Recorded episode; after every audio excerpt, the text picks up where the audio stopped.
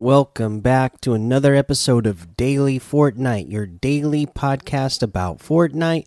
I'm your host, Mikey, aka Mike Daddy, aka Magnificent Mikey. First up, don't forget that tonight is the first Friday night bragging rights. As of this recording, uh, I'm on the NA West and it's already started here. So hopefully, you uh, EU and East players uh, got a chance to play. I know there was actually an issue with it. I think some people are getting rescheduled. I saw it somewhere. Let me see if I can find it. I remember running across it earlier today. Uh, yeah, so it says we're rescheduling the Friday night bragging rights events for Oceania, Asia, and uh, Middle East that completed today because the matches were cross platform. Those regions will compete tomorrow EU's start will be delayed one hour, and uh, Brazil, NA East, and NA West start time will remain unchanged. So we we unchanged we were unchanged here, uh, but I guess when the event first went live, you know, it was supposed to be uh, set per platform. There's supposed to be a PC lobby, a console lobby, and a mobile lobby. Apparently, when it started out, for some reason, it was cross-platform. That's why there was delay in the other uh, other regions. Uh, now, or why they're having those other regions do it over, uh, and uh, EU got delayed. Uh, and then there was this little bit of an update. First, let's read what the issue was. They say we're investigating reports that PlayStation players are experiencing issues when they attempt to rejoin Fortnite Crew after a failed renewal payment occurred. So that was the issue five days ago, and now the issues when attempting to rejoin Fortnite Crew on PlayStation after a failed renewal payment have been resolved. So if uh, you you were having an issue with that, that should be all fixed now. And uh, you can renew your membership if you were looking to do that.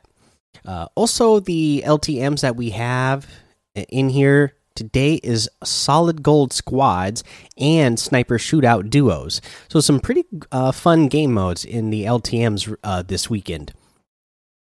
Now, let's see here. Uh, quests. Yeah, so go ahead and look at some quests. Let me see which one is the current quest that we could be working on. Again, I just I, I just really don't like the layout and the way they did the the the quests this season and how they laid everything out. It just when I'm looking at it in game, it's a lot harder for me to follow than just looking at Squatting Dogs app here. Uh, let's do the um let's see. Let's do the one where you need to uh, destroy motorboats. I mean, really pretty simple, right? You just got to find motorboats and destroy them. And good places to find motorboats, of course, is going to be the uh, the the lake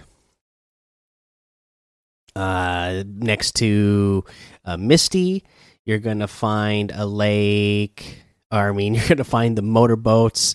Uh, you know, you can find them uh, at Dirty Docks, uh, and then again, you know that one spot that I always like to land on the north side of the map. There's always a couple of uh motorboats there. And I can't get the map to load right. Otherwise, I would tell you what grid it is, but it's up there in that arrow, like, uh, I can't remember exactly, but uh, you know that island up there on the north end of the map, the very north end of the map. Uh, but yeah, those are some good places to find some motorboats, and then just go ahead and uh, pickaxe them until they are all blown up, right? So, pretty easy stuff to do there. Uh, now, let's go ahead and uh, take a look over at today's item shop. So, in the item shop today, Uh, we still have all that ski, uh, that winter ski set. So you still have a chance to get all of those. Uh, we have new today the Rapscallion outfit with the Burgle bag back bling for 1,500. The Maven outfit with the Techie back bling for 1,200. The new Skipper emote, Hop Skip Jump, uh, for 300 V bucks, and it is just your character uh, jumping rope, doing jump rope. So there you go. Uh, hand signals emote for 500. The Billy Bounce emote for 500. The Breaking Point emote for 200. We have the Kuno outfit with the Dual Kama backbling for 1,500. The Kenji outfit with the Katana and Kunai backbling for 1,500. The Falcon glider for 1,500. The Talons harvesting tool for 800. The Quick Strike harvesting tool for 500. The Deadfire outfit with the Shackled Stone backbling for 2,000. The Dark Shard harvesting tool for 1,200 the Guan Yu outfit with the Loyal Shield back bling for 1,500, the Guandao harvesting tool for 800, the Divine Dragon Glider for 1,200.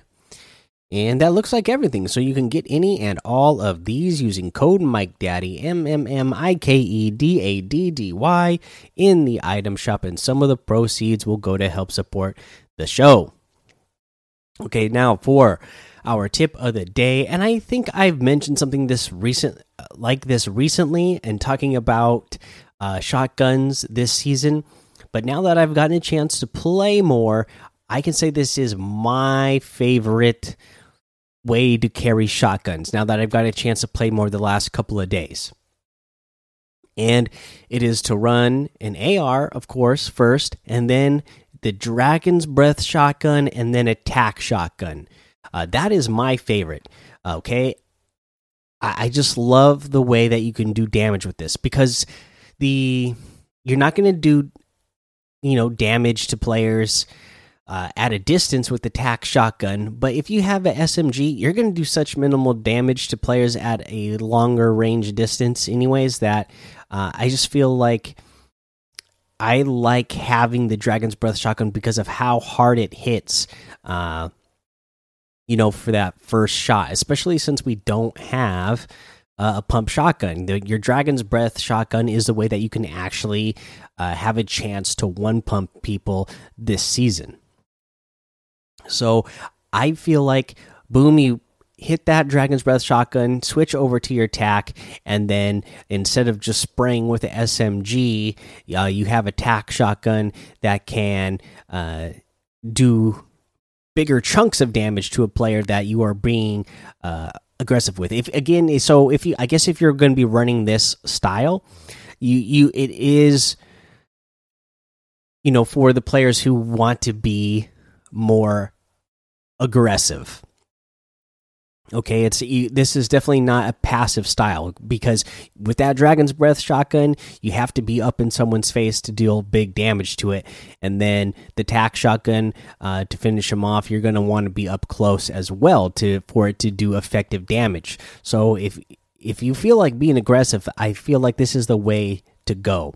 Uh, just forget about the SMG altogether. Just carry an AR, then the Dragon Breath, then a tac shotgun, and your last two slots will be for health and mobility.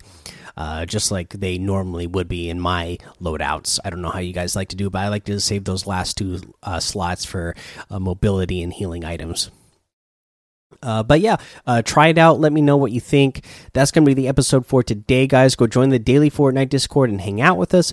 Follow me over on Twitch, Twitter, and YouTube. It's Mike Daddy on all of those. Head over to Apple Podcasts, leave a five star rating and a written review for a shout out on the show. Make sure you subscribe so you don't miss an episode. And until next time, have fun, be safe, and don't get lost in the storm.